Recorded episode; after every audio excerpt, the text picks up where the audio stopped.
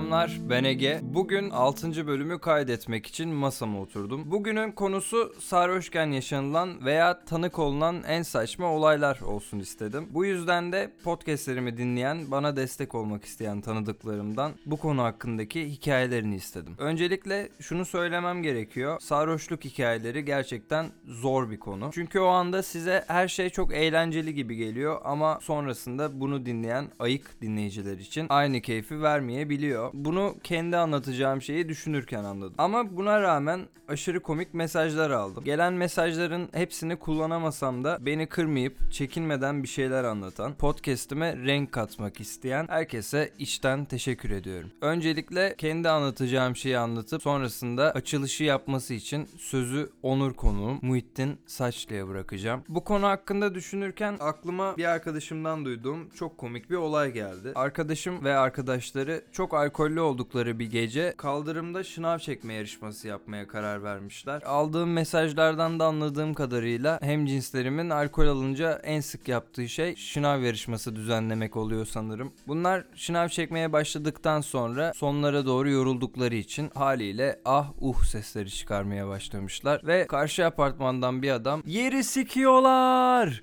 yeri sikiyorlar diye bağırmaya başlamış. Bunu duyduğumda çok gülmüştüm çünkü şınav anındaki duruş pozisyonu gerçekten bu eylem için çok müsait. Ama yerin böyle bir fonksiyona sahip olmaması ve adamın bunu yok sayması çok daha komik bence. Şimdi sözü açılışı yapması için Muhittin Saçlı'ya bırakıyorum.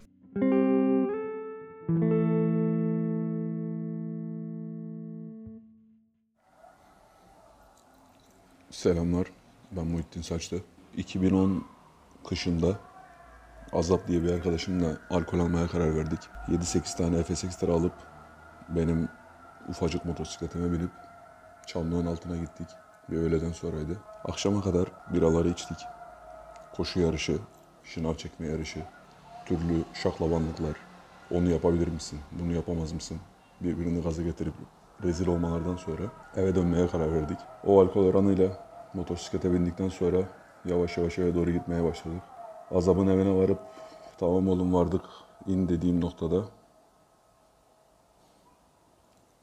arkamda azabın olmadığını fark ettim. Motora bindiğini hatırlıyordum. Sarhoştum ama o kadar değildim. En azından ben öyle düşünüyordum. Sonra onu yolda düşürdüğümü düşünüp geriye doğru yere sağa sola bakarak gitmeye başladım. Daha sonra keskin bir virajda onu bir çöp kenarında buldum. Ona kalk oğlum hadi motora bin eve götüreceğim seni dedim. O da varmadık mı amına koyayım dedi. Geri zekalı düştüğünün farkında değil. Ben onu düşürdüğümün farkında değilim. İkimiz sarhoş olduğumuzun farkında değiliz. Onu eve varmadığımıza ikna edip hala orada olduğuna inandırıp tekrar motora bindirdim ve yavaş yavaş kontrol ede de bana sarılmasını sağlayarak evine bıraktım. Sarhoşken tanık olduğum şöyle saçma bir olay var. Biz bir e, okul gezisi gibi bir şeydeydik. Ben de işte gitarımı götürdüm. E, akşam işte 4-5 farklı masa oluşturuldu. Her masa beni çağırıyor işte şarkı çal, gitar çal falan filan diye. Her masada bir şeyler ikram ediyorlar. Bir yerde işte şarap, bir yerde viski, bir yerde bira falan. Ve ben kendi içkime başlayamadım bile. Daha sonra bir an e, fakir öğrenci ruhum ve içgüdümle kendi içkimi de kafama diktim. E, ondan sonra ben hastaneye kaldırılmışım. Yani hiçbir şey yok. Bir uyandım ve hemşire gözüme ışık tutuyordu. Sanki böyle filmden bir sahneymiş gibi. E, nerede olduğunu biliyor musun diyordu ve ben tabii canım hastanedeyim yani o kadar da değil falan diye bir cevap verdim ama neden hastanede olduğuma dair bir fikrim yoktu. Acaba dedim yemekten dolayı mı hepimiz zehirlendik ee, diye hemşireye sordum yani hepimiz mi buradayız sadece ben mi diye soru sorduğumda sadece sen diye de cevap aldığımda aslında e, çok saçma bir olayın içinde olduğum farkına vardım ama asıl saçmalık bu değil. Asıl saçmalık e, benim ayakkabımı getirmemeleri ve ben çıplak ayakla tıpkı Cumhuriyetimizin ilk e, kuruluş yıllarındaki gibi çıplak ayakla otele dönmek zorunda kaldım ve o anı e, bir hemşerinin fotoğrafını çekip bana göndermesiyle ertesi gün farkına vardım. Böyle enteresan saçma bir anı. Abimin Akyaka'ya geldiği ilk geceydi. Böyle bir 3-4 litre falan şarap içelim dedik. Aldık bayağı bir hazar içiyorduk. Bir buçuk litre. 3 tane aldık. Oturduk azman kenarında içiyoruz. Neyse içtik bayağı bir kafamız güzel. Kerem dedi ki ben bir azmağa girip pişeyim dedi. Kerem tam azmağa girerken yüksek bir yerden geçiyorsun. Oradan azmağın içine düştü. Ama böyle bacak seviyesinde falan yani çok fazla düşmedi. Sonra geri çıktı yukarıya. Sonra biz içmeye devam ediyoruz. İşte ben gireyim dedim azma bir içeyim dedim. Ayağa kalktım abim şey diyor. Üçümüz oturuyoruz yine Kerem ben abim. Ahmet dikkat et diyor. Labuğun biri bu az önce diyor azma düştü sen de düşersin diyor. Kerem tip bakmaya başladı abime. Akyaka'ya geldiğimiz ilk gece Ahmet 3-4 litre içtikten sonra kusmaya başladı. Tam Ahmet kusarken yanından geçen bir adam iyi misin yardıma ihtiyacın var mı falan dedi Ahmet'e. Ahmet de iyiyim iyiyim bir şeyim yok diye oldukça nazik ve güzel bir şekilde cevap verdi. Aradan birkaç saniye geçti Ahmet bize dönüp geçen adam anama küfür etti siz niye tepki vermiyorsunuz gibisinden bize konuşmaya başladı. Biz bir müddet geçtikten sonra artık Kerem'le birbirimize bakıp hangimiz tokat atsak diye düşünmeye başlamıştık. Oradan çorbacıya gittik. Çorbacıda işkembe söyledik. Aynen işkembe tuzlama falan gibi bir şeydi. Aynen tuzlama arıyorduk ama hiçbir yerde bulamıyorduk Akyaka'da. İşkembe söyledikten sonra ben çorbama limon sıkmaya başladım. Ahmet bunu görünce çok heveslendi.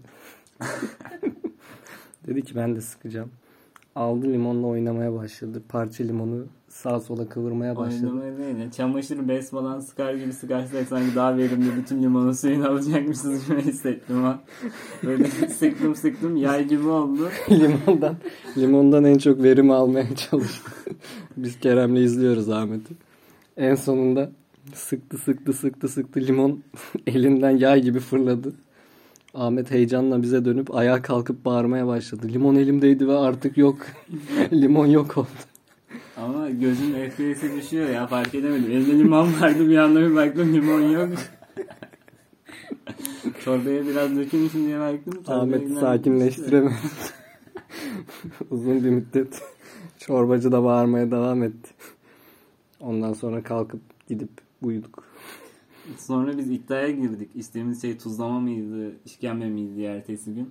Ondan sonra sabah işte gittik Kerem'le birlikte adama sorduk. Adam da şey dedi. Siz çok sarhoştunuz dedi. Biz başta tuzlama yok dedik dedi. İnanmadınız, ısrar ettiniz dedi. tuzlama diye size işkembe verdik dedi. Sonra içip gittiniz zaten fark edebilecek seviyede değilsiniz dedi. Ama tuzlama gibiydi. Kardeşim merhaba. Sana sarhoşluk hikayemi anlatıyorum böyle hızlı bir şekilde çok sıkmadan. Ee, o zamanlar yıl 2016 ya da 2017 e, aşk acısı çekiyorum. Bir arkadaşım dedi ki bara gidelim dedi ya. Adana'da bir bara gideceğiz.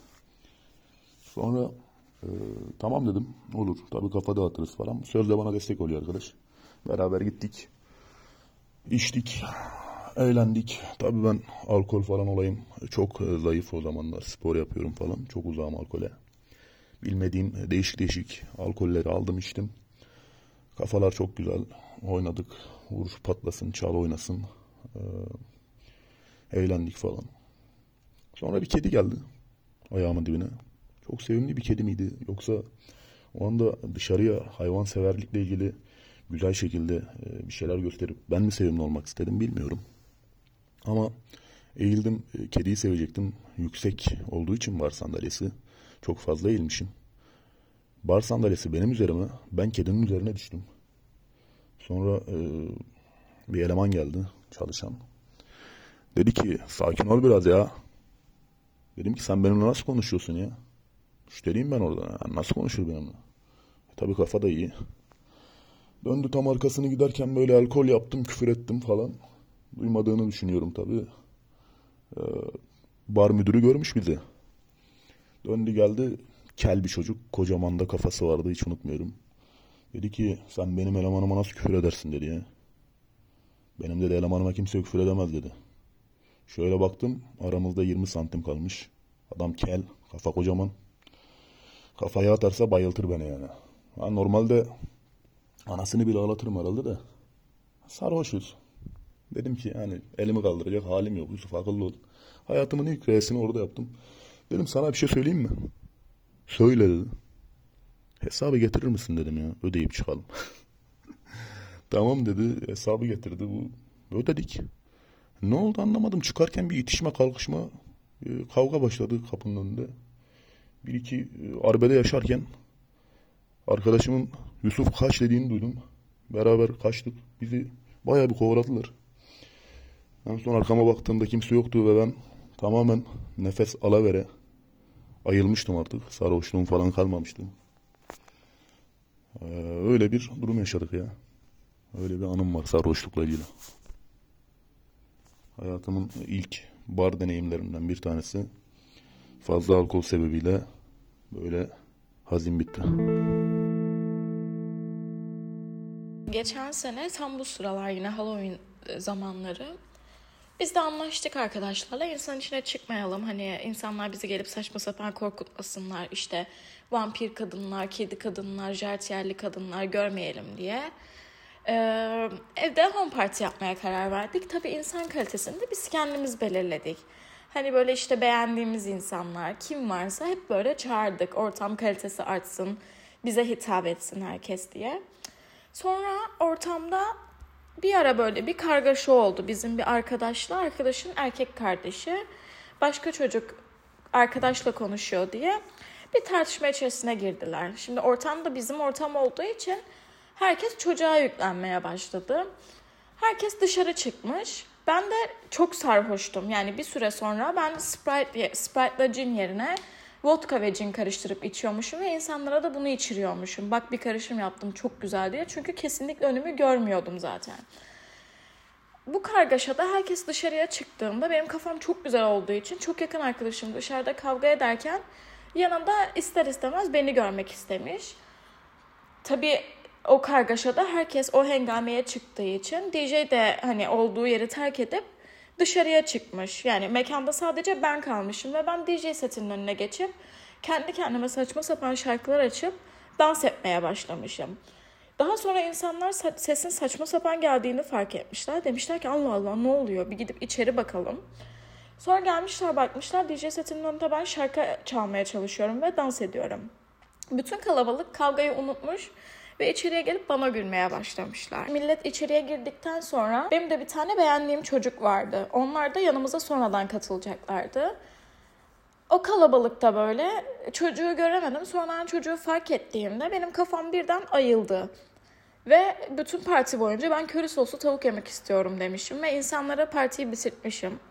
Sonra burada bir tane mekan var ve mekanda gidip köri soslu tavuk yemişim ve e, kocaman bir tabağı tek başıma 5 dakikada falan bitirmişim. O yüzden adım köri olarak kaldı. İnsanlar bana beni gördüklerinde partideki herkes köri diye seslenirler.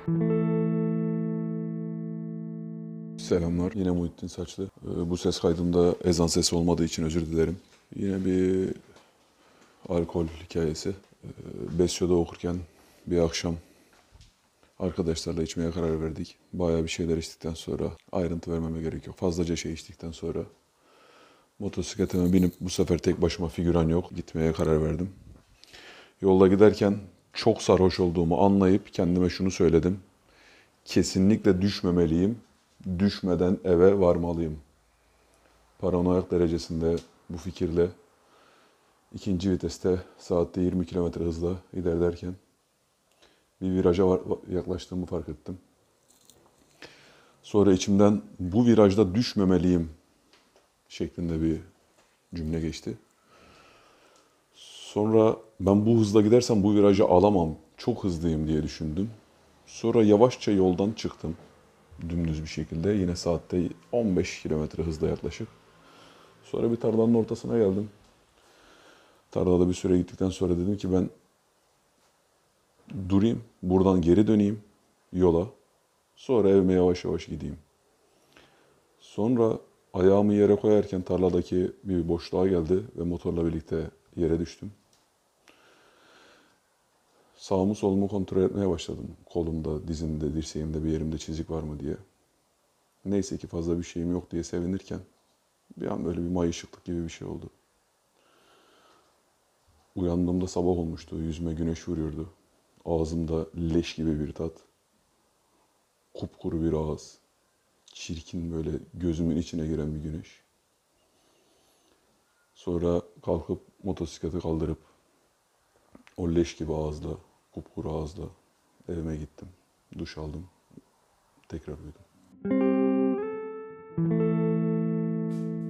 Sonuna geldik. Bana mesaj gönderen herkese tekrardan teşekkür ediyorum. Özellikle de açılışı ve kapanışı yapan Muhittin abime. Ben kaydı düzenlerken çok eğlendim. Umarım siz de dinlerken çok eğlenmişsinizdir. Bunların dışında son olarak kullandığım mesajlarda dikkatimi çeken iki şeyden bahsedip bölümü sonlandırmak istiyorum. Çok zengin ilkokul arkadaşım bana Cadılar Bayramı döneminde korktuğu şeyleri şöyle tanımladı. Vampir kadınlar, kedi kadınlar ve jartiyerli kadınlar. Düşünüyorum hem cinslerim tarafından ve benim tarafımdan bunlar korkulacak şeyler değil. Hatta aksine ihtiyaç duyulan şeyler. Son olarak da Olmaz grubunun gitaristi Batu Yalınayak savaşanlara değindi. Bu vesileyle de Cumhuriyet Bayramımızı kutluyorum. Teşekkür ediyorum. Dinlediğiniz için size mesaj gönderenlere, kafası kocaman olan o kel abiye ve işkembeciye. Görüşmek üzere.